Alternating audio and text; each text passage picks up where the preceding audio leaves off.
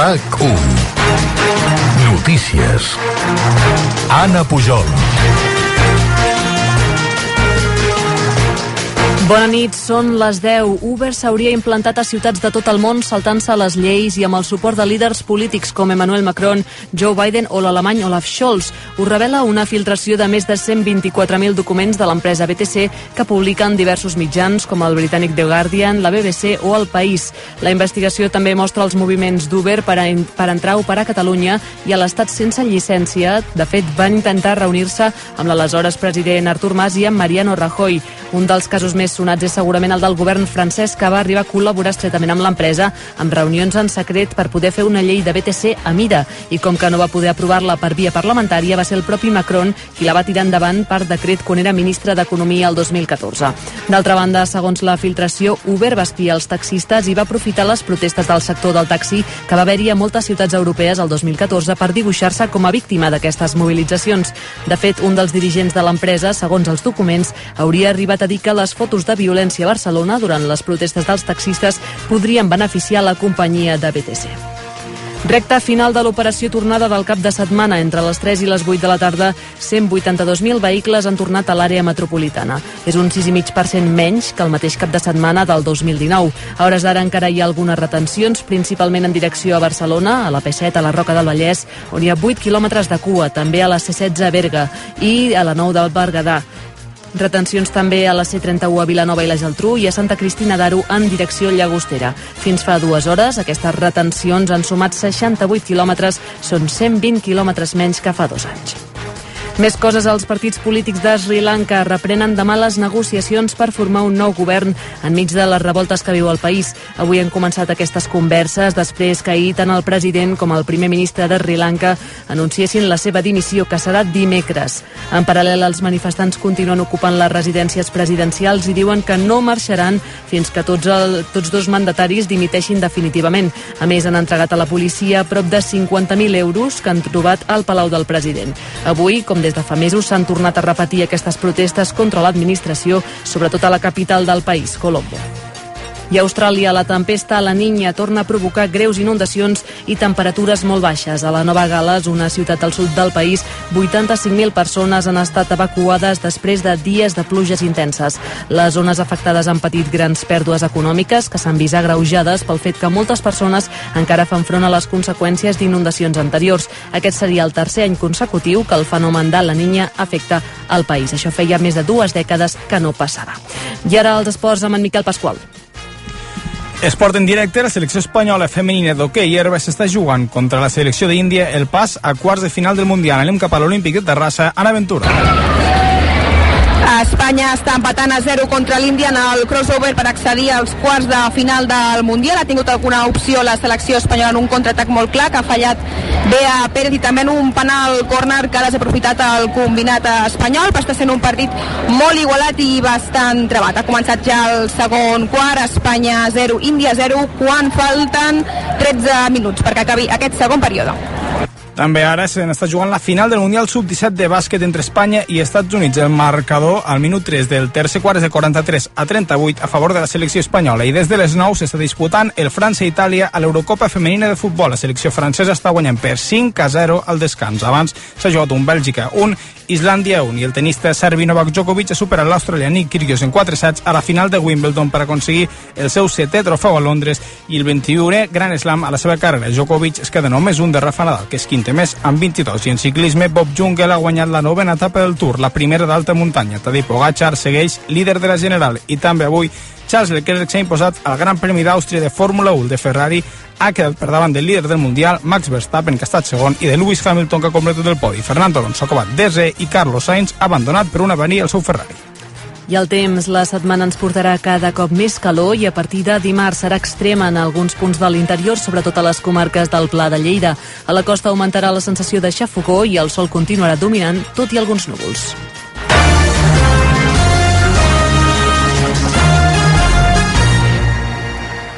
RAC 1. El món a RAC 1 amb Jordi Basté. Hola, Jordi Cuixart, bon dia i moltes gràcies. Bon dia, bon dia a tothom, bon dia Jordi. I a l'elecció de la presidència i la vicepresidència no ens hi presentem ni el Marcel ni jo, no passa res, una entitat. Parlem amb l'advocat Iñak Urdangarín, el senyor Mario Pasqual. Senyor Pasqual, bon dia, moltes gràcies. Bon dia, gràcies a vostès. És un impàs o una ruptura definitiva? És un impàs, clarament. Ni és un cessament, ni és una separació, ni és un divorci. És un temps que els... Conseller Argimon, bon dia. Bon dia, si tinc febre i malestar, mm. em quedaré a casa i prendré un antipirètic i ja està. Home, no surtis al carrer i procura aïllar-te. Hola, Chanel, bon dia. Hola, molt bon dia. Fixa't que quan van dir el meu nom no m'ho creia encara. Estava com en un limbo, saps, de realitat i, i somni una mica. Vaig dir pel micro, nos vamos a Turín. Em sembla que allà va ser com, hòstia, és una realitat. Presidenta Borràs, bon dia i moltes gràcies. Molt bon dia. Dimitirà? Comencem forts. Sí. No dimitiré. El món a RAC1 On passen les coses RAC 1. Tots som u Així sona.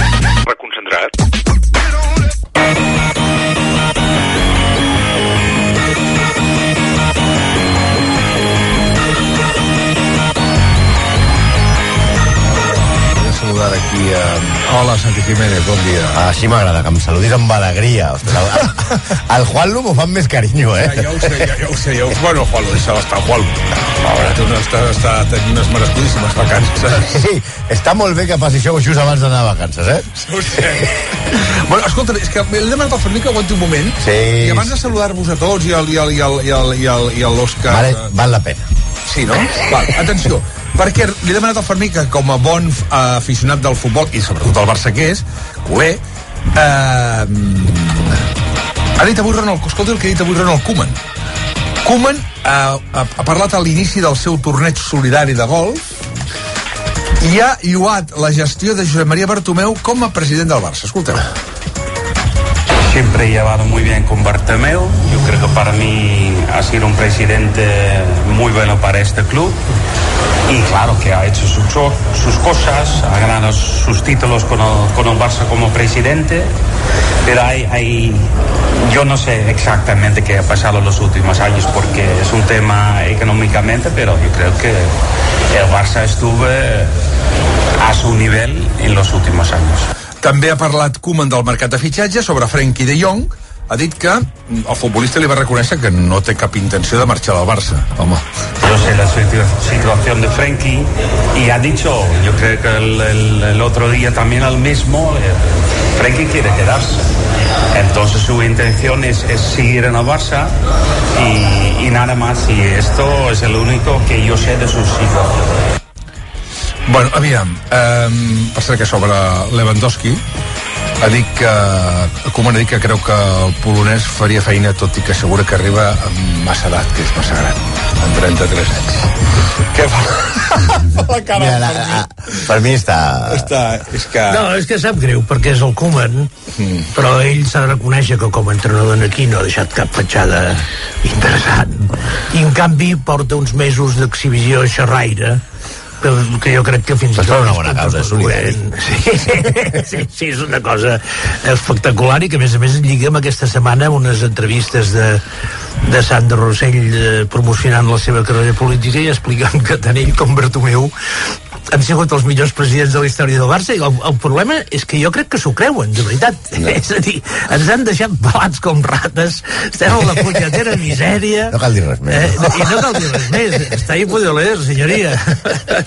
he de dir, he de dir que el que més em sorprèn que clar, oi, quan dius que Frenkie de Jong no vol marxar com vols que marxi? Avui explicàvem una cosa, m'ha explicat, que, que, que matí explicàvem a RAC1, i crec que el sentit també està en aquesta línia, Sí, sí, ho sap el. Santi Jiménez, que és que eh, Bartomeu va fer un contracte a Frenkie de Jong de 8,88 milions nets per temporada durant tres temporades acaba ara en renovació automàtica de 3 anys més De fet, i la renovació automàtica porta ja 8 dies vigent. Correcte. La renovació automàtica passa a ser firmat per l'anterior junta directiva de 8 sí. nets a 16 milions nets. És una broma. Eh, no? En sèrio? Bueno, no, no. Eh, en sèrio, passa de 8 a 16, però només passa de 8 Segurament, a 16 nets. Frenkie de Jong també, si parlés de Bartomeu, també diria que és un gran president. Efectivament. De 8 a 16. Saltant de 8 a 16 vol dir que dobles el contracte, i no només dobles el contracte en net, En net? Sí, perquè això, això se'n va estem parlant. tranquil·lament 20 i pico, eh? Sí, clar. Passa a ser, es converteix Frenkie de Jong des de fa Vuit dies. 8 dies en el jugador millor pagat de la plantilla del Barça. No, 16 deuen ser pràcticament 32 milions, eh? Bueno, sí, sí, sí, si fos això, sí. Quatre, sí, no, no, no tinc, o sigui, jo hi ha moments que em perdo. Que et per perdi, mi. ja, sí, sí, a partir, a partir dels 100.000 ja et perds, ja. Un disbarat rere l'altre. Però han sigut els millors presidents de la història del Barça. El, el, que, el que sí, jo he pensat el mateix que el Fermí, que, quan ara deia a, a Koeman això de Bartomeu, que vaig sentir l'entrevista a Catalunya Ràdio de Sant Rosell, que deia, i també al periòdico, també li va fer al Balat, i, li va, i ell deia, no m'agrada dir-ho perquè mai ho he dit i tal, però clarament els meus anys són els millors del Barça eh, econòmica i esportivament per títols. La radiotítols, radiotítols i, i guanys Eh, bé, vull dir, això sempre ve a dir que les opinions... Oh, i tant. S'han de Són lliures, efectivament, i s'han de respectar totes. Bueno, de Fermí, eh? Molt bé, Fermí, dia. Gràcies. Hola. Sí, 21 minuts. Hola. Hola, bon dia, bon dia. Hola. Marcolí, què tal? Molt bé, Hola, bon dia. Usar, bon dia. Hola, Una bon pregunta. dia. Una, una pregunta, perquè com que jo sóc nou ara aquí, Sí, sí, sí. eh, com soc nou aquí, deixa'm fer una pregunta. Perdó, la, el Bundó ja no ve? Con, o perquè estic jo? El No. ha vingut un cop en tota la temporada. Sí, normalment. Ah, perquè Dos cops. Ah, A veure, les estrelles eh, deixen, es deixen estimar. eh, I Anna Ballonesta no... no... Fa molt que no la veiem, també. també. Sí, fa ha aparegut. temps que no ve Sí? aquesta última hora. No, no, no només fa temps que no ve, sinó que no va fer secció durant molts mesos. No, no, jo crec que l'última secció va ser temporada passada. Sí, efectivament. Sí. Ara que sortiràs tu amb la bandera a defensar-lo o què? No, no, no. No, només defensa el Bartolí. No, l'altre dia comentava que n'havia fet tres de seccions en tota la temporada, però sí. ho deia ella mateixa. Jo De- tampoc n'he fet tampoc moltes n'ha fet més. gaires, no, no? no, no, no. Sí, una, No una, una menys que tu. No, ja ho contaré perquè m'esteu vacilant tots molt. No, jo, jo adopto el paper de rata sense cap tipus de problema, com, com Sí, esteu ja ho veient. sé, ja, però a mi no m'agrada. Jo és que sóc l'ampollona, o almenys ho era. I llavors, clar. Espera't un moment que tinc l'Òscar Nin. Ah, No. sí, una, altra- una, altra- una altra història. Una altra història, sí. Si avui això, aquí caben, caben com a rates, mai millor dit. Només aguanten les dues rates Efectivament. professionals. Hola, Òscar Nin, bon dia. Bon dia, amics. Què passa? A la ràdio. Pues, eh, res, Jordi, que m'ha passat lo de, de Rafa Nadal. He tingut que abandonar perquè tinc unes punxades a l'estómac i ja no puc més. Problemes abdominals, diríem, no? Mm, Sí, només hi ha que veure. Que barrejats amb una sensació... Sabeu quan anem a Port Aventura i seus al, al Dragon Khan? Sí. Que et poses allò... De, pues el mateix, però assegut al vàter. Ja, ja, ja, ja. Eh, di, di, Diguem-ne que seguidilles. Sí, correcte. Eh, ja, pa, pa, va, va, fem una metàfora que, que s'entengui una mica Més més. neta, sisplau. Però què vol dir Sí, seguidilles? el, el, el, el, el asesino anda suelto. És igual, Eh? prou, Ramon. Ramon, vols fer el favor? Perquè jo, si no ho entès, també hi haurà hagut gent que no ho haurà entès. com, si votés tot molt, eh? Saps? Tot va funcionar. Sou, sou uns marranos, eh? Eh, però, però nivell, nivell grifochorro No, nivell, nivell eh, aspersor. eh, Sou ja prou, home. bomba, bomba racimo. Aspersor de, del Camp Nou. Una mica resant la gesta. Ja ho has entès o no, Bartolí? Eh, no encara, la veritat. A veure, els seguidilles, per què? Bastant, És bastant un no és un no parar. No parar. Sí, però llavors no vota. Només va en una, en una direcció. Perquè explota. Saps de què estem parlant o no? Sí, home, que, que el nin té cacotes, no? Mira, eh, eh, ha quedat més clar. Això ho he entès. Però, Bueno, pues, però, arròs blanc, eh, caldós i, i No, una mica... Ha, ha demanat, ha demanat pel, pel grup de WhatsApp, ha demanat... Algun remei, no? Algun remei, sí. Infusió de farigola. Ja la Aquesta, Això aquesta volia- sí. Això, aquesta sí. això és un tema que, Aquesta sí, eh, aquesta que fes, fes, fes la crida. Sí, volia fer una crida a l'amic Tian Riba, que ens està escoltant ara mateix. A veure si, Tian, a veure si et pots apropar a casa a portar-me una mica de farigola. De la normal, eh? Per l'estómac i tot allò que és curativa, és curativa. Jo també te'n puc portar perquè a les voltes No, no no, la de Blancafort hi, ha, hi ha farigola.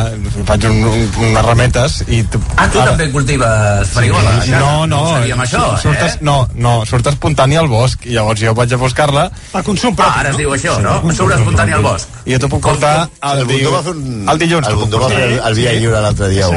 Sí, efectivament, sí. També sortien espontani. Un collaret de coco, Eh? És una cosa. Són les 11 i 25. Anem a votar el millor diàleg de la setmana. Si voleu participar, correu electrònic a dialing arroba raco.net, dialing arroba raco.net amb la paraula clau a l'assumpte, si de fàcil. Els regals d'avui, un xec regal de 100 euros per comprar qualsevol condis de Catalunya, una experiència per dues persones a triar entre caiac, padel surf, parc acrobàtic d'aventura o segway entre vinyes, gentilesa d'Esportec, un purificador d'aire de la marca Levoit amb filtre per capturar àcars de la pols, polen, contaminants i pudors. En fi, aquests són els finalistes de la Això, a, setmana. Això dels premis, normalment ho llegeix el Bartolí, és molt graciós. Sí, no, no, no, però no passa res. Ja, el, mira, el purificador d'aire hagués anat molt bé. Li hagués anat molt bé al nin. Per Sí, la, sí, de les males olors. Sobretot a la gata, que viu amb ell. Ai, senyor. Uh, què, què has dit? o sigui, Et toca a tu, ara. em toca a mi? Ah, sí que els primers, eh, els primers no, els finalistes de la setmana, el primer. Oh, Jo dit, això. Ah, perdó, perdó. No, el primer, el primer. Pablo Iglesias parla de la sala penal del Tribunal Suprem al Món RAC1. nueve sospechosos, ningún imputado. Y hemos tenido que ver cómo la propia sala de Lopañal, la propia sala de Lopañal del Tribunal Supremo, Oh, quin fàstic. Mira, la sala de l'Opanyal deu ser on està ara l'Òscar. L'Òscar. Efectivament. Correcte. Correu a dialing arroba raco.net amb l'assumpte Iglesias. El segon. Un moment de desconnexió de Miguel Rico a la tertúlia esportiva.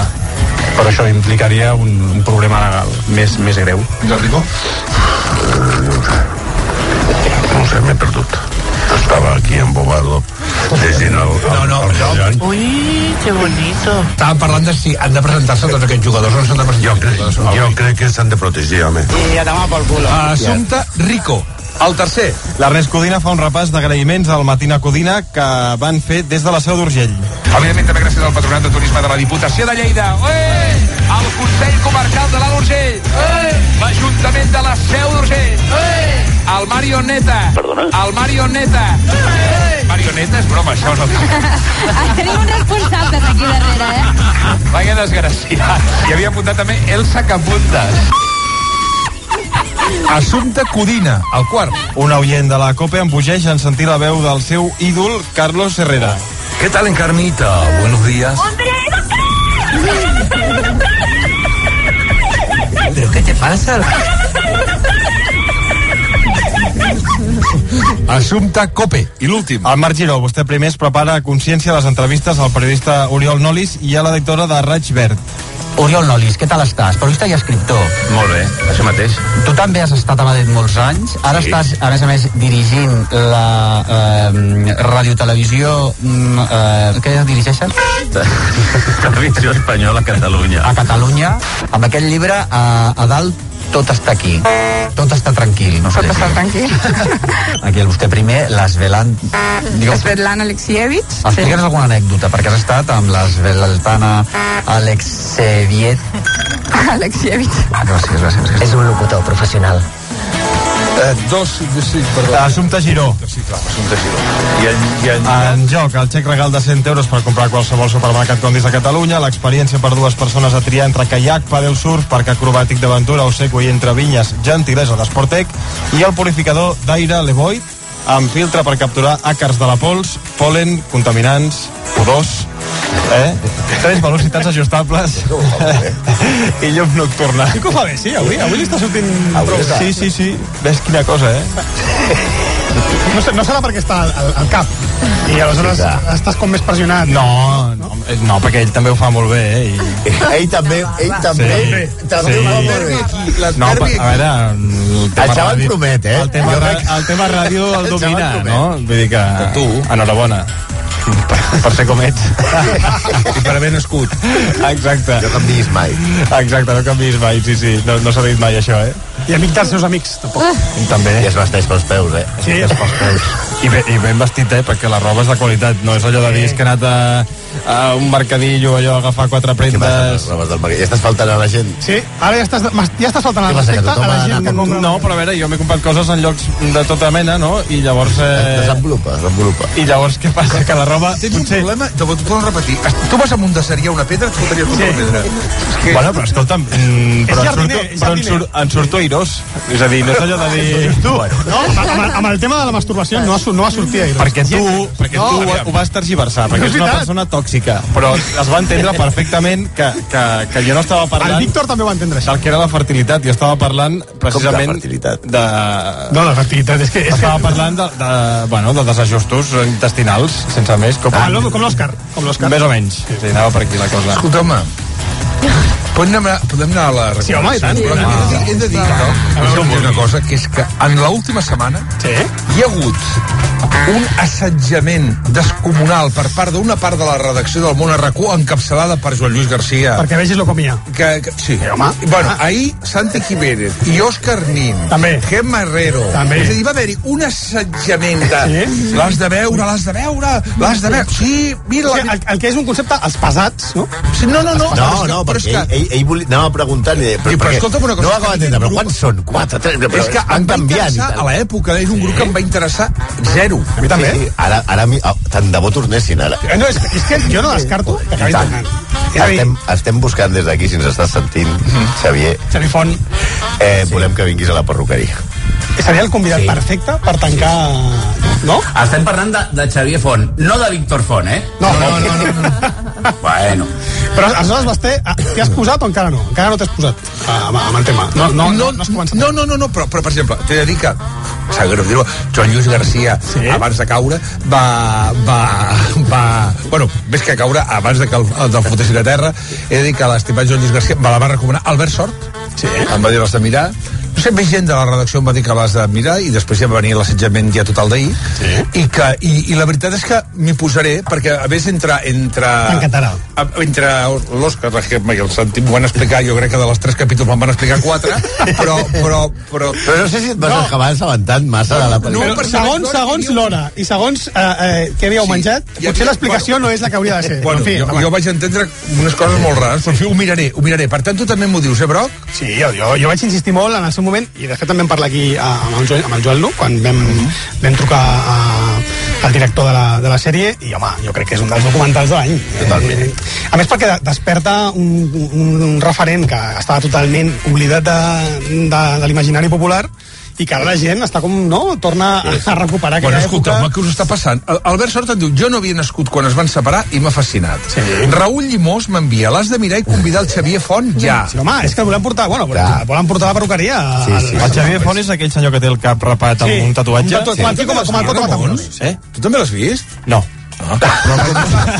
No, però vaig, perquè vaig veure el, el tràiler. Sí. Ah, I el que s'hauria també de convidar és el... José Luis Gil. José Luis José Luis Gil. Gil.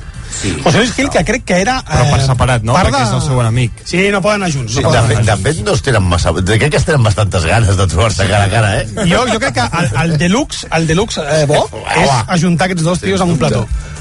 Sí, sí. perdó, pels ignorants en la matèria, Sí? Un és membre de... El un Fundador, el fundador fundador. i creador. Sí. el Xavier Font, Sí. i l'altre... És el productor que els El- converteix en el un grup estrella. Sí.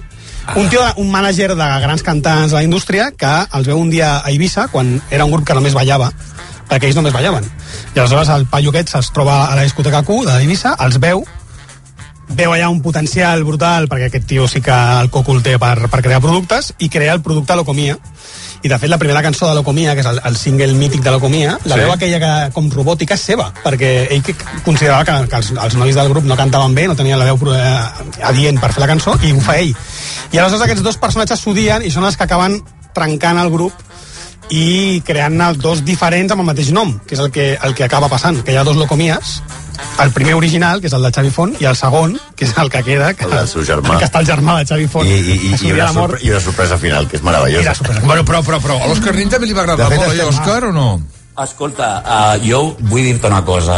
Uh, aquest, uh, aquest documental, que són tres capítols, és també una radiografia perfecta per veure com funciona l'indústria discogràfica des de dins abans de l'era d'internet. És a dir, tots aquests productes uh, entre cometes, prefabricats que tenen les discogràfiques, boy bands, uh, mm, mm, grups de dones també, tot això ho manega un cervell, que en aquest cas és aquest senyor que va fer famosos els Locomia, però és interessantíssim veure com es viralitza un producte que va arribar a milions de persones a tot el món sense xarxes sense internet, sense res, només amb la ràdio i amb els vídeos que es posaven a l'època. I un petit apunt, els meus pares a principis, a finals dels 80 i a, o a principis dels 90 van anar a Eivissa i van anar a Q. I van veure Slocomia en directe ballar quan encara no cantaven ni res. I uh, pujaré a casa de ma mare uh, quan estigui millor i a l'últim dia del, a l'últim dia mm, de, el divendres de la setmana vinent portaré els abanicos de Locomia a l'estudi Ah, que es, es va comprar, ja, clar, és que tenia la botiga. Aviam, a veure si divendres vol venir el Xavi Font o pot venir, aviam, vol la Montse També, jo, que jo he començat a fer ja investigació Ah, sobre sí? ell i haig de dir una cosa que no surt en el Ah, bueno, documental. imagino que hi ha coses que no. Xavi Font i el seu germà són de Calxato de la Flor, Ostres! de Sant Boi. De, cas, de cas, Ah, no, sabia que eren del baix, però no, de, no de exactament... Calxato de la Flor. Carai. Escolta, a les 11 i Que és un 3... restaurant, Deixeu-me... no? No, això és com es diu. Per favor, per favor.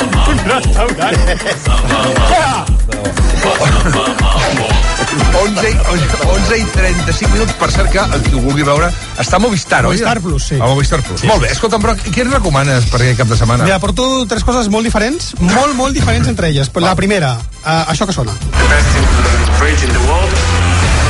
Mira, fascinant, sèrie documental curteta, tres capítols de 30 minuts cadascun, que es diu Juegos Sucios. No estem parlant de Pepe ni de caps defensa d'aquests de... No, no, ni, ni, ni, ni del, ni de l'Òscar. Mira l'Òscar al seu vàter ara mateix.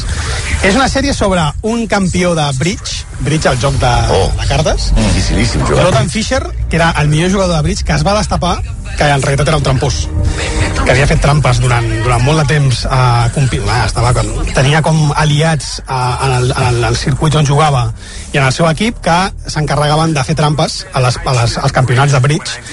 I aquest documental explica com ho feien, eh, com es va destapar l'escàndol i qui és aquest personatge fascinant, que és un, un, un que va fer molta pasta jugant al bridge, d'un tema que la gent no coneix, jo no tenia ni idea, jo no sé ni com es juga al bridge, no, tu suposo que sí, no, Santi? No, no, tampoc? perquè no, no sé si és molt difícil. És complicat, no? Eh, has, de, has de tenir un cap molt matemàtic. Doncs eh, el Saps tio, qui evidentment, és un crac. Saps qui és un crac jugant al bridge? A veure, dispara. Joaquim Maria Puyal. Ah, carai, veus? Ah, doncs segur que a Puyal li interessa aquest documental perquè parla del món del bridge des de dins i sobretot els tramposos del bridge. Que... Anem al segon. Part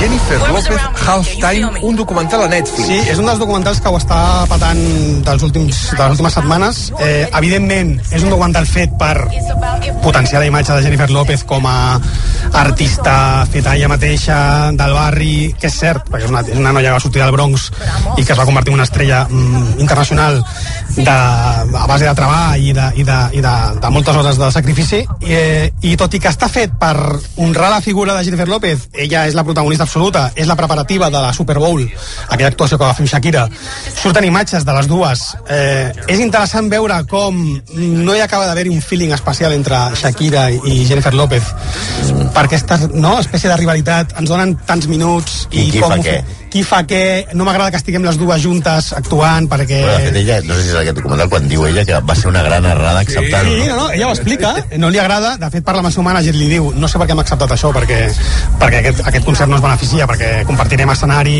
i al final serà... Però a mi m'ha encantat, o sigui, tot i que sé que està mani manipulat, està fet perquè ella llueixi, perquè quedi com una mare que es sacrifica pels fills i tota aquesta història, està, és un documental molt potent, de veritat. Va, per la- anem per a que un altre documental. Tres, Eh, avui? Sí, Carai, ah, tu. avui- A Netflix. A Netflix. Quina rata més gran. No somos nada. Cantar a gritos. Home, això és lados, ¿sabes? No hay imprescindible, que és el No Somos Nada, que és el documental sobre la Polla Records. Eh, a, una mica a posteriori, quan ells decideixen tornar als escenaris i fan una espècie de eh, reflexió, eh, no?, retrospectiva de la seva carrera amb l'Evaristo, que és un personatge absolutament fascinant. La gent que, suposo que la gent ja coneix i sap qui és, però si no coneixen... Per tu segur que sap qui és l'Evaristo. Bé, eh, tu no saps qui és l'Evaristo, no?, a, a Páramo, de, de la Polla Records. La Polla Records és un grup mític dels 80. Sí, home, la Polla Records sí, Doncs- però l'Evaristo no. És el seu, és el seu, és el seu líder. A veure, saps qui és la Polla Rego? Saps qui és Evaristo? Perquè és el cantant. jo- No, Jo, perquè jo, jo jo... crec que hi ha gent que sap qui és Evaristo fins i tot sense saber qui és la Polla Records, però... Doncs jo al revés. I aquest documental és una, és una entrevi són entrevistes amb, el, amb els membres, sobretot amb Evaristo, que és el gran ah. líder i, i, i figura visible del grup, i és un personatge d'aquests que, que cal reconèixer encara que musicalment no et digui res. És a dir, que jo crec que és un tio que té coses a dir i, i aquí ho explica tot. Amb un documental força llarg, 100 minuts de Netflix que es va estrenar a cinemes a, a principis d'any i que ja el tenim a plataformes. Per tant, jo crec que en, com a contrast de Jennifer López que és tot glamour i tot. Ah, molt, molt millor Evaristo. Hem de tenir Evaristo. Deixa'm, de, de, deixa'm dir que he coincidit un parell de cops amb, amb Evaristo de la Polla Records, amb admiració absoluta cap a la Polla Records. Evaristo és un pèl gilipolles, eh? Carai. Vas tenir una mala experiència, no? Amb, amb És Evaristo. molt punky i molt, molt contracorrent i molt... però també molt, molt, molt gilipolles, eh? Però, eh, Òscar, pots ca- et explicar- cau bé o no? No, no, no, ja t'ho dic ara. No, no. És que l'Òscar Nin té molts coneixements, eh, Sí. musicals. Però, Òscar, Allò que que- fa el que- diumenge al Via Lliure està molt bé. Pots explicar què va passar? Que, que... No, no va passar res. no. Ell, ell, ell és eh, com llibertari sí. i com anarquista i tot això, però de vegades se li escalfa una mica la boca amb el calimocho i tal, Ui. Em- emite unos juicios de valor, ara faig el 25% en espanyol, Jordi, eh? Sí, com, pel Víctor Mera. Eh, a, de, a veces emite unos juicios de valor que, bé, mm, ara mateix són equiparables als mateixos judicis de valor que tinc jo a la tassa del vàter. Eh? Podem, podem seguir o no? No, però dit llibertari, jo volia Sí, sí, sí. sí. podia matisar més. És a dir, llibertari què vol dir? Que no porta roba interior o que li agrada eh, Mònica, no, no pots defensar-lo avui, eh? substàncies... Ramon, Ramon,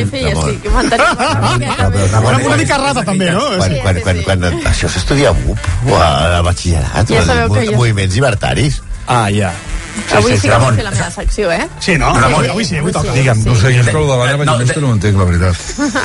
De, de, de, deixa'm rematar una cosa. Ramon, centra't en el documental de Jennifer López. Sí, exacte. Que té Efectivament. 52 anys, 1,64, i està més estupendíssima que quan tenia 19 anys. No, és, és, és tremendo, és tremendo el tema. Bueno, aviam una cosa. Va, anem a la Mònica Usart, eh, perquè avui... Eh, Molt bé, que em fa molta il·lusió fer secció, no em deixen mai, i avui, mira, Eh, compte que és la més rata de totes les rates. eh? avui a la secció Desmuntant mites ens preguntem... Pot ser pitjor persona. No, no, no. És cert que si ens pica una medusa farem bé de posar orina sobre la picada? La teva. O la d'una altra. Ah, pots anar per la... Podria ser. De, de o directament Em des sap de... greu que l'Òscar no estigui aquí Sí, avui. jo deixaria ara que l'Òscar Nin eh, faci Sí. la seva hipòtesi Digues, i llavors Òscar. la Mònica No, no, no, no, no, sisplau. Jo, jo només ap- apostillo a la ciència. Jo ajudo a la ciència. Que parli Mònica Usar, sisplau. Vinga, va. Les picades de medusa penseu que són les més freqüents a les platges de- d'aquí a Catalunya. A mi em va picar una abella un dia que estava amb Ramon Bartolí i em va tirar crema solar. Ah, solucionar-ho. molt bona idea, no? Però no Perquè va anar bé. fresca. No va anar Perquè solar, això sí, no va arreglar la, pi- la picada, però No. té un, però li va quedar un. Va un, Moreno, va quedar un moreno. color No, meravellós. perquè la crema era en spray i estava fresca i s'han de posar coses fresques sobre les picades. Vaig haver d'anar als serveis mèdics perquè m'ajudessin. Eh, I ningú em va acompanyar, eh? Jo estirada a terra, Ah, bons marejada... companys, no? Sí, Et va sí. acompanyar la teva filla. Sí, clar, amb Va, 3 anys, que és molt pobreta. responsable. Quants anys tenia la teva filla? Tres, molt I bé. vaig dir, si anys. passa res, de jo buscar també, el Ramon. també diria que em fiaria més de la teva Sí, filla que evidentment. Ramon.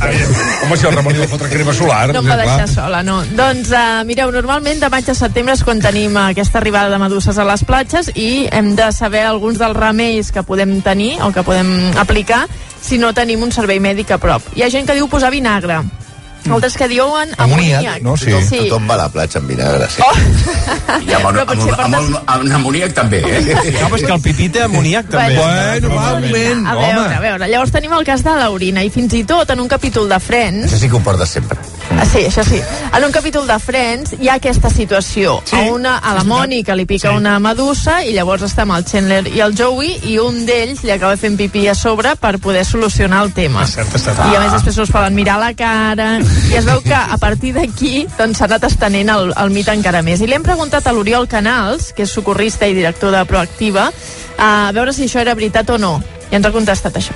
No seré jo qui us digui que no us pixeu a sobre si és el que us ve de gust.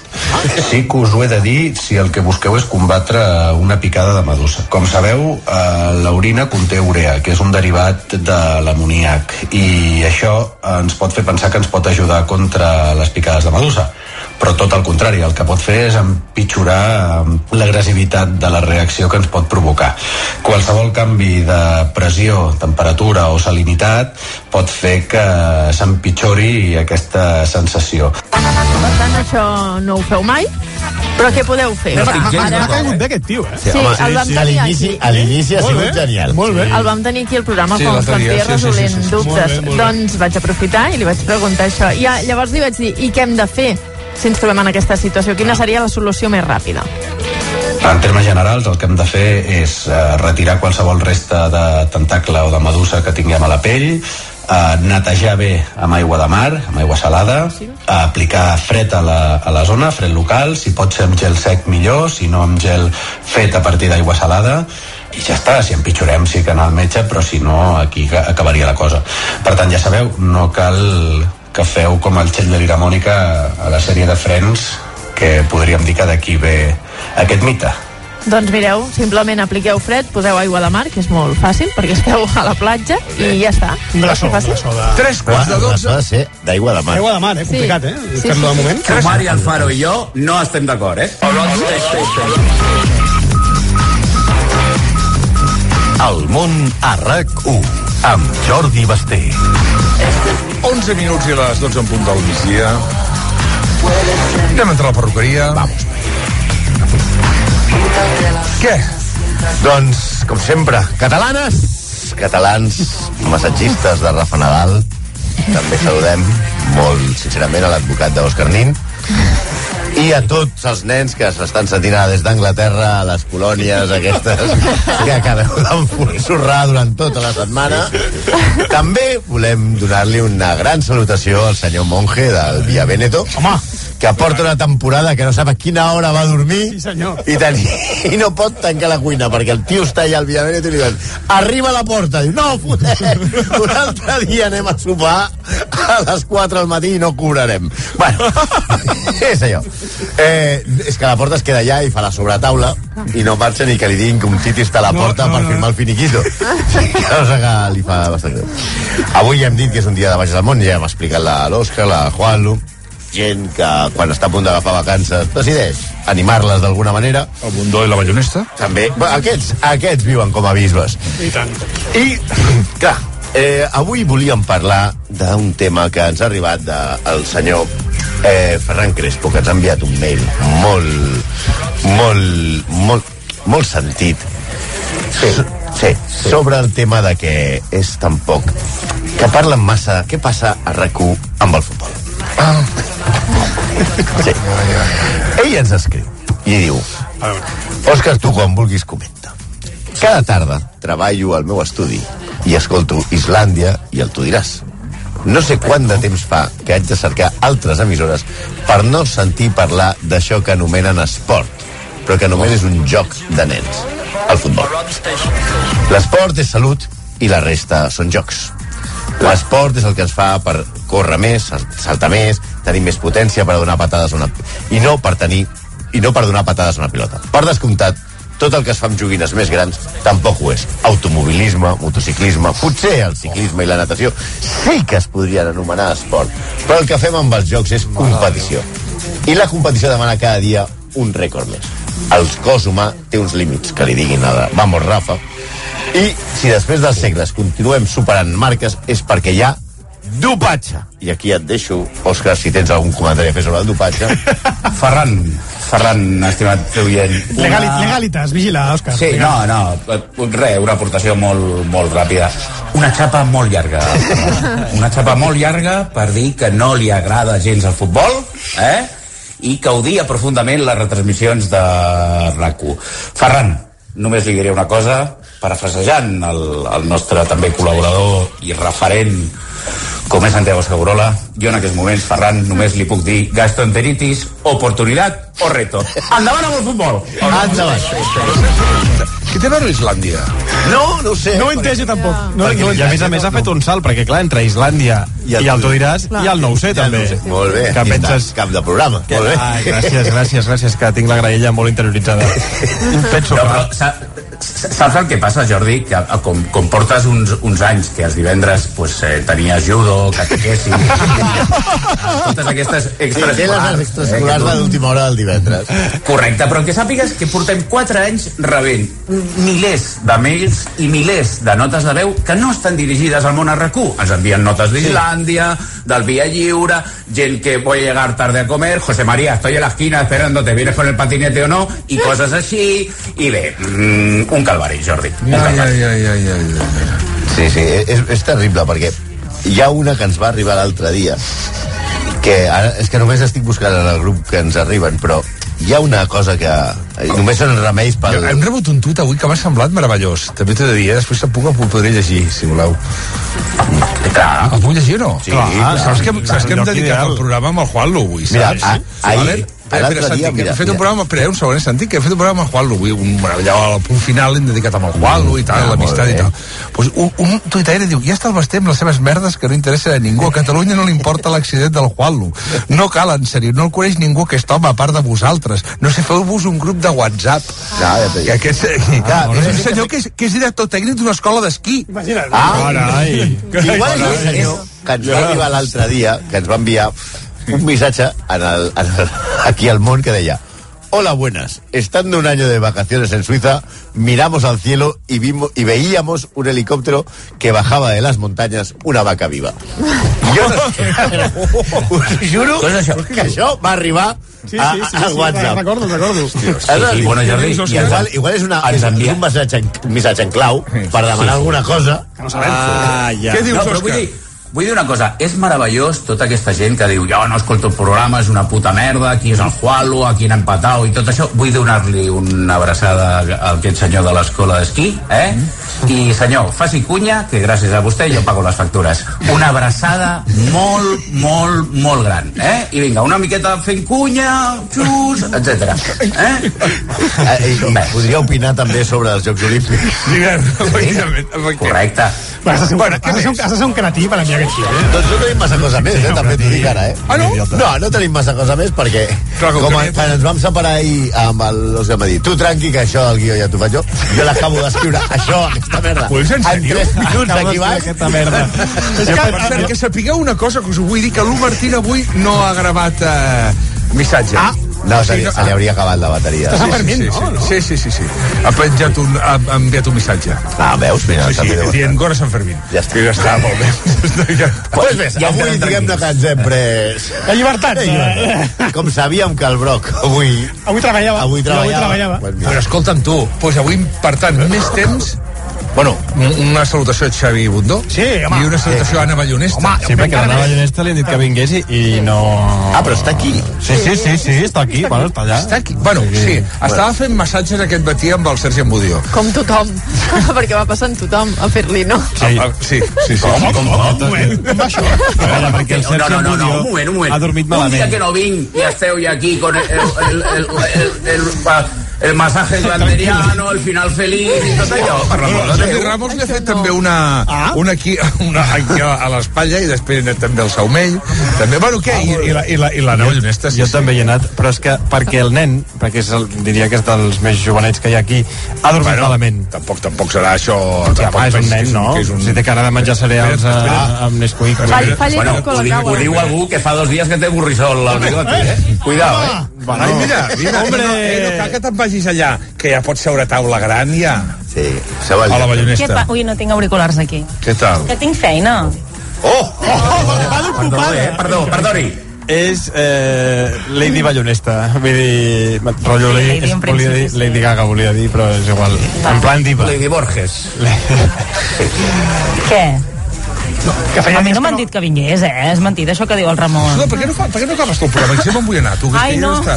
Vale, que sí, va, Tinc- que tinc tos, que tinc tos. Deixa'm dir que falten 3 minuts per les 12 i que et digui, dic, que ara té tos, ara. Ara, Ara Tinc tos, tinc tos. És a dir, un que es a trenca, un que es trenca costelles, l'altre que té tos, és que la boca... És que acabem la temporada, acabem la temporada molt, Acabeu bé, eh? molt afectats Acabeu ja. Només ha vingut aquí a tirar-nos les miasmes. Total, total.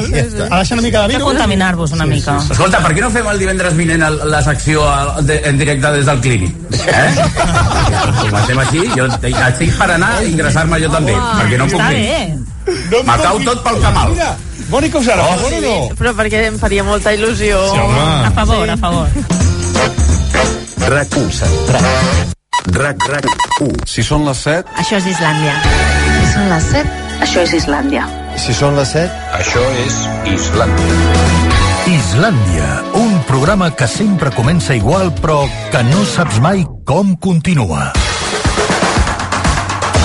existeix Cànoves i el Perrús? Hòstia, el Perrús no. Home, seria molt ben parit que existís el Perrús, eh? que no som uns monstres, que l'únic que fem és estimar persones del mateix sexe. Vídeos bastant curtets, no?, amb alguna I coreografia. fins d'aquella amb alguna- manera que ens havien dit que no s'havien de fer. Verticals. A veure, esteu 20 anys dient-li gilipolles a la gent que els feia verticals. Islàndia, cada tarda a les 7 amb Albert Om. RAC 1. Tots som 1. Amb l'aplicació de RAC1 tot és més... Accessible. Més fàcil. Més còmode. Més pràctica. Per tenir-ho tot a cop de clic. Descarregar i compartir podcast exclusius, ràdio en directe i a la carta, esports en streaming, doble player, RAC1 i RAC més 1. Molt millor. Molt més pràctica. I més fiable. Tot l'univers de la ràdio quan vulgueu, on vulgueu. Descarregueu-vos ara l'aplicació per tenir-ho tot de rac a mà, perquè amb l'APP de rac tot és més.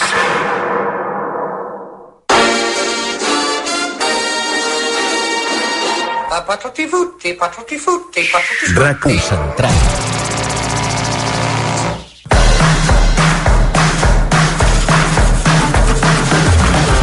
Abans, però, passarem per un dels comerços més antics que hi ha a Barcelona. Té 116 anys, i això ja el fa especial, però el que el fa més diferent no són els anys, sinó el que venen, el producte que tenen. Es tracta de l'armeria Alberdi, una botiga amb més de 2.000 armes al mig del barri de Gràcia, al carrer Torrent de l'Olla. Feia dies que em cridava l'atenció. Qui va a una armeria? Quina és l'arma que més es ven? Què val una pistola? Qui se la pot comprar? És un bon negoci tenir una armeria avui dia? Què en pensen els propietaris dels tirotejos que massa sovint són notícia, com hem vist últimament als Estats Units o també a Copenhague fa poques setmanes? Teníem moltes preguntes i per això me n'hi he anat. He parlat amb l'Agustí Alberdi, quarta generació d'aquesta armeria, i una de les coses que més m'han sorprès és que en tota l'estona que he estat dins la botiga conversant amb l'Agustí no han parat d'entrar clients.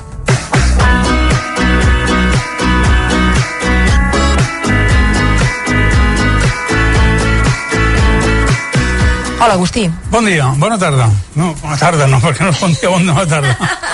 Millor. Escolta'm, jo no havia entrat mai a una armeria. Eh, on sóc ara mateix? Què és això? Què és aquesta botiga? No, això és una botiga normal i corrent, el que passa que venem un article amb unes condicions de seguretat diferents, llavors tenim un establiment diferent, amb una seguretat diferent, amb unes condicions molt diferents. Què veneu? Armes deportives, Imagino que la majoria dels oients que ens estan escoltant ara mateix tampoc han entrat mai a una armeria, o m'equivoco? I entra molta ara, gent. ara comencen a vindre moltes més persones que no són del nostre món perquè com que som els únics que venem esprais de defensa homologats llavors la gent va a l'armeria a comprar l'esprai de defensa ja quan veiem entrar una senyora ja ens anem directament a la secció d'esprais de defensa i donem un esprai de defensa sense que digui res perquè és el que normalment venen a buscar aquí Qui més bé? Quins són els altres clients més enllà d'aquestes senyores? tiradors caçadors i tiradors clar, tots. Però és que clar, el, món, el món de les armes és un món molt desconegut. Per la gent pensa el món, les armes és un món molt ampli. Les armes deportives, ens entrem a les armes militars. És un món molt ampli que et permet tindre molts tipus d'arma. Des d'escopetes de caçar normals que és allà on estem ara, a la secció d'escopetes de caça rifles de caça major rifles d'alta precisió rifles de tiros a, a, a llarga distància armes curtes de precisió armes curtes de velocitat bueno, Jo ja m'he perdut. Bueno, sí, claro, claro, claro. claro és que són, tot això són especialitats de tipus d'armes diferents. La policia també ve a comprar aquí? No són policies, Aquests clients que hi ha ara mateix? són policies. Claro, nosaltres els llevem les armes particulars. Les armes de servei no, eh? Les armes de servei... Nosaltres hem hagut moltes armes de servei als Mossos. Nosaltres hem sigut proveedors dels Mossos durant molt temps i som proveedors dels Mossos durant molt temps. O actualment, vamos. El que passa que eh, ara els Mossos ja no estan comprant gran quantitat d'armes perquè ja tenen una dotació importantíssima d'armes. Llavors, el que sí venem és les armes particulars, els Mossos, els policies, els guàrdies civils, armes particulars. Ells tenen dret a tenir unes armes particulars, o sigui, el mateix que els donen un cotxe, li donen una, una pistola, no? I el cotxe no se'n poden anar fin de setmana amb el cotxe, amb la família, a la platja. la pistola de servei no se'n pot anar de fin de setmana a la platja amb la pistola llavors té que comprar-se la seva pistola i anar amb la seva pistola eh? ells tenen una llicència que és llicència tipus A que els hi permet fer aquestes coses Hola, que us puc fer alguna pregunteta? Depende. Depende, sí. M'han dit que sou policies, vosaltres. Sou Mossos d'Esquadra? No, Policía Nacional. I veniu aquí a, a comprar una arma per vosaltres, diguem, no és l'arma de servei. No, no es el arma de servicio. Es un arma particular. I aquesta arma, per què decidiu tenir-la? Es una segunda arma. Pues eh, básicamente por temas de autodefensa o, o alguna situación que nos pille fuera de, de servicio. Así de claro, sin más. L'has fet servir alguna vegada, aquesta arma, aquesta segona arma? Esta es nueva, no he hecho servir.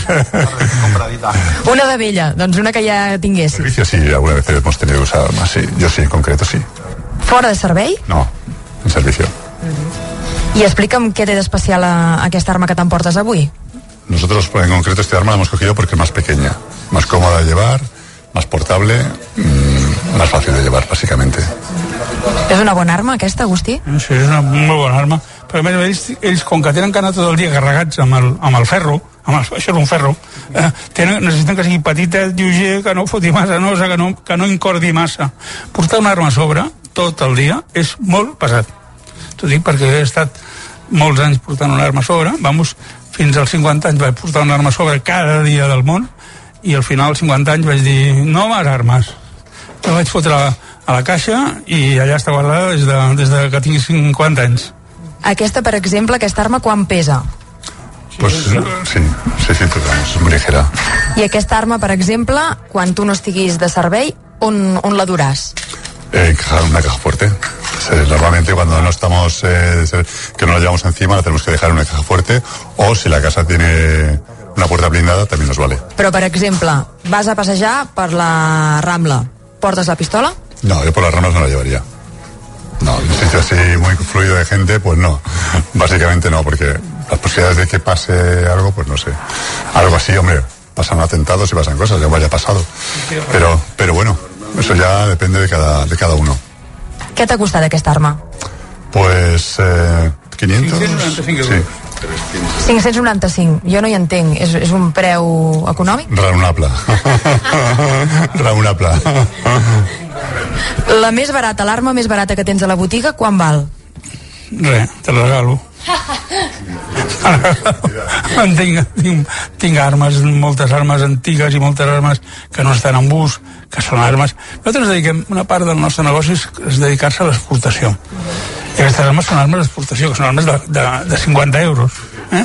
Perquè, clar, nosaltres exportem a Argentina, o exportem a Xile, o exportem a Costa Rica, o exportem a països amb un poder econòmic més baix que l'europeu, i llavors, clar, no li pots exportar una arma de 1.000 euros, perquè és que ja la voldrien comprar. El que passa que quan arriba allà vale 5.000 i llavors no la poden comprar de cap manera, ni treballant tota la vida. Mm? Tenen que buscar armes que puguin pagar. I la més cara? La- L'arma que hi ha ara mateix aquí i que sigui la que val més diners? No, això és una Holland, una Holland, una escopeta inglesa, que val 35.000 euros. Qui ho compra, això? Clients. clar, qui ho compra són clients. Mira, és aquesta. I què té d'especial que valgui 35.000 euros? Dispara sola? Uh, busca, busca la, la presa... Què és el que no té, què és el que no té d'especial? 34.800. Tot és especial amb aquesta escopeta. Escopeta feta a mà. Tu ara dius, jo vull una Holland. Això és una Holland de segona mà, eh? Jo vull una Holland. Ah, sí senyora, sí, molt bé, encantat de la vida. Vingui, li prendrem les mides. Molt bé. Dintre de 3 anys tindrà l'escopeta. 3 anys de plaç d'entrega. 50% per l'adelantat, eh? 50% al cap d'un any. I el resto, el preu que valgui, al moment que l'entreguem és aquest món de l'alta la, gamma, que, bueno, que són coses que no tenen res a veure amb el, amb el normal, eh? Són coses especialíssimes. I això ho compra gent que fa caça. Té, que té diners. Això ho compra només gent que té diners. La gent que no té diners ja ho voldria comprar, ja, però no pot comprar-ho. Tothom pot eh, disparar un arma o has de tenir unes aptituds, un físic concret o t'has d'entrenar? No. És a dir, si jo ara agafés una pistola, la podria disparar. La- L'arma té que ser la teva arma. O sigui, clar, si tu et dono, el teu físic et dono una arma, et dono una pistola que pesi un quilo i mig, és que no podràs ni aixecar-la. O no et pensis, eh? No, no, no, no, si vols ho provem. Si vols ho provem. Et dono una pistola i muscularment, muscularment no et, et permetrà tirar un tiro, però no et, podrà, no et permetrà aguantar la pistola i saber el que estàs fent amb la pistola. Sí que tothom pot tirar un tiro amb una pistola. Tirar un tiro és molt fàcil. Tirar i tocar ja no és tan fàcil, o ja és molt difícil. Les armes tenen que ser molt en fun... Les armes són en funció de lo que tu vulguis fer amb elles, caçar, casa major, farem un fusell d'un calibre d'un altre i dependrà de la teva massa muscular, de la teva altura, de la teva constitució, de la teva fisonomia, forma de la cara, moltes coses. La forma de la cara també influeix? Sí. Per què? Perquè tu, per exemple, tens les mandíbules més sortides que els pòmuls. Eh? Les mandíbules les tens més sortides que els pòmuls. Llavors tens que buscar una escopeta que tingui una forma de la culata especial. Ah, t'has quedat morta. Ah, t'has quedat morta. Eh? Una mica, una mica no m'ho esperava, això. o sigui, per tant, tu, quan veus entrar ja un client, més o menys ja... Saber buscar-li l'arma que li té que anar bé. Eh? I això amb el centre de formació és molt important. És molt important. L'escopeta o el fusell no va allà on tu et sembla, sinó que l'escopeta va exactament a l'unió del pectoral, pectoral, el pit, eh? I a més a més, senyores, la mama, que és més, més delicat, i el trapeci, que és aquest múscul d'aquí. Llavors aquí tens un forat, que és el surco, el que el metge, els metges li diuen surco, que és allà on té que anar l'arma pujada. I aquesta arma té que ser la continuació del teu ull. Es té que pujar a sota del malar, això era el pòmul, i això era el malar. Sí. Sota del malar, i té que ser la prolongació del teu ull. ah, no? O sigui, molta simetria també hi ha d'haver aquí. Ah, to- total, exacte, té que ser. I un cop trobem l'arma adequada per la persona, vas cap a, cap a la zona útil. Li posem a la mida de la, la culata, o el fusell, o, o el visor, o el que sigui, li posem a la seva mida. Qui la funda, aquesta botiga? No, la botiga la inicia el meu avi. El 1906, el número, el torrent de l'olla 97. A l'any 61 es crema la botiga i tanquem, tanquen. Vamos, tanquen perquè jo tenia 11 anys. Tanquen. I llavors el meu pare torna a obrir una altra botiga aquí, al número 91, a l'any 63. I des del 63 doncs fins ara. El 75 fem obres, ampliem el local, comprem la botiga al costat, al pis de dalt, bueno, i ens fiquem amb aquest berenjenal de, de, de 400 i pico metres o 500. Has crescut envoltat d'armes? No, he nascut entre les armes. No he crescut. He nascut entre les armes. Jo he nascut aquí a la cantonada aquesta d'aquí dalt. Anys enrere, jo tinc 73 anys. Anys enrere els nens no es tenien a la clínica. A la clínica solament es tenien els pobres. Els, els medianament pudientes, que tampoc no eren rics, els meus pares, tenien les criatures a casa i venia la comadrona, no sé què. Jo me'n recordo perfectament com va néixer la meva germana. Jo tenia dos anys, però me'n recordo que el meu pare em va sentar la falda, estava al, al, al menjador de la casa, d'aquí del número 93, 95, perdó, i me'n recordo que hi havia un merder important i és que la meva germana jo no sabia el que passava, però bueno, va néixer la meva germana, ara tens una germaneta, bueno, doncs molt bé, ja està. Les armes formaven part de, del vostre dia a dia, per tant. Sí, és normal. Lo anormal és no tindre armes. Lo normal és tindre armes. Home, jo crec que la majoria dels oients que ens deuen estar escoltant no tenen cap arma a casa. I Van, uh, més enllà d'un ganivet, diguem. Tots han vist pel·lícules de l'oest i tots han vist pel·lícules del James Bond i tots han vist pel·lícules de policies i a tots els agradaria tindre una arma. A mi em faria molta por tenir una arma. Per què? O perquè es pot disparar, no? Puc fer mal i em puc fer mal. No, no, no, no, no, no, no, no, no, no. Les armes no es disparen mai. Se li disparen als inútils, se li disparen als que ho fan malbé. Tu deixes aquesta, qualsevol arma d'aquestes d'aquí, carregada, a tope, i la deixes 20, an, apuntant, 20 anys apuntant a la porta, i si no ve cap tontet i apreta el disparador no li passa res. No, no, no es fa mal a ningú. Ara, quan vingui el tontet ja l'hem fotut. Totes aquestes armes estan descarregades? Totes, totes. Això és per norma? Això és per... No, no, això és per... No, no, això és per sentit comú. Això és per sentit comú. Ah, no podem, no podem tindre car armes carregades perquè aquí entra, ja ho has vist, molt personal. Diu, no... El fàcil, el que fa el primer la gent és posar el dit al disparador. Mm? Quants trets has disparat al llarg de la teva vida? Molts, molts, mils. En una època vaig tirar el plat i tirava 15.000 tiros a l'any. Durant 10 anys. O sigui, només en aquella època vaig tirar 150.000. Jo vaig començar a tirar als 14 anys aire comprimit. I vaig estar competint fins als 50. I als 50 vaig dir, ni pistola, ni, ni competició. S'acabó. Per què? Perquè et fatiga. Et fatiga competir a nivell que competia jo. eh? produeix un estrès. Jo vaig tenir una fatiga psíquica als 28 anys. Jo entrenava, feia gimnàsia, mm, entrenava cada dia, mm, i, i llavors això, és, això és, el nivell, l'alta competició és molt estressant. Mm? I llavors jo tirava alta competició, llavors quan vaig arribar Mira, més que perds facultats, no t'enredis, no tens les mateixes facultats als 40 anys o que als 30, ni que als 50, als 50 en tens menys, i als 73, 73 que tinc ara, doncs moltes menys, eh? Però bueno, tens que acceptar que això és així. Mm? Què t'agrada d'una arma? Què t'agrada de disparar? Què produeix? No, no, no, no, no, no produeix cap satisfacció una arma, és el resultat d'un- d'uns principis mecànics que fan funcionar i fan que tiris i dauguis allà el que vols fer. Jo, per exemple, vaig a caçar cada diumenge amb el meu gos, és el meu company de casa. És amb el que cada diumenge jo me'n vaig a caçar i cada diumenge eh, se m'escapa, mm, cobrim, cobrem bé, cobrem malament, no sé què, no sé quant. És el meu company. Bueno, això és, això és el que em diverteix, eh, a caçar. Desgraciadament, avui no hi ha perdius eh, préstecs, i llavors anem a perdius repoblades, amb un puesto artesa que fan molt bé i estem molt còmodes, i bueno, i caçem allà.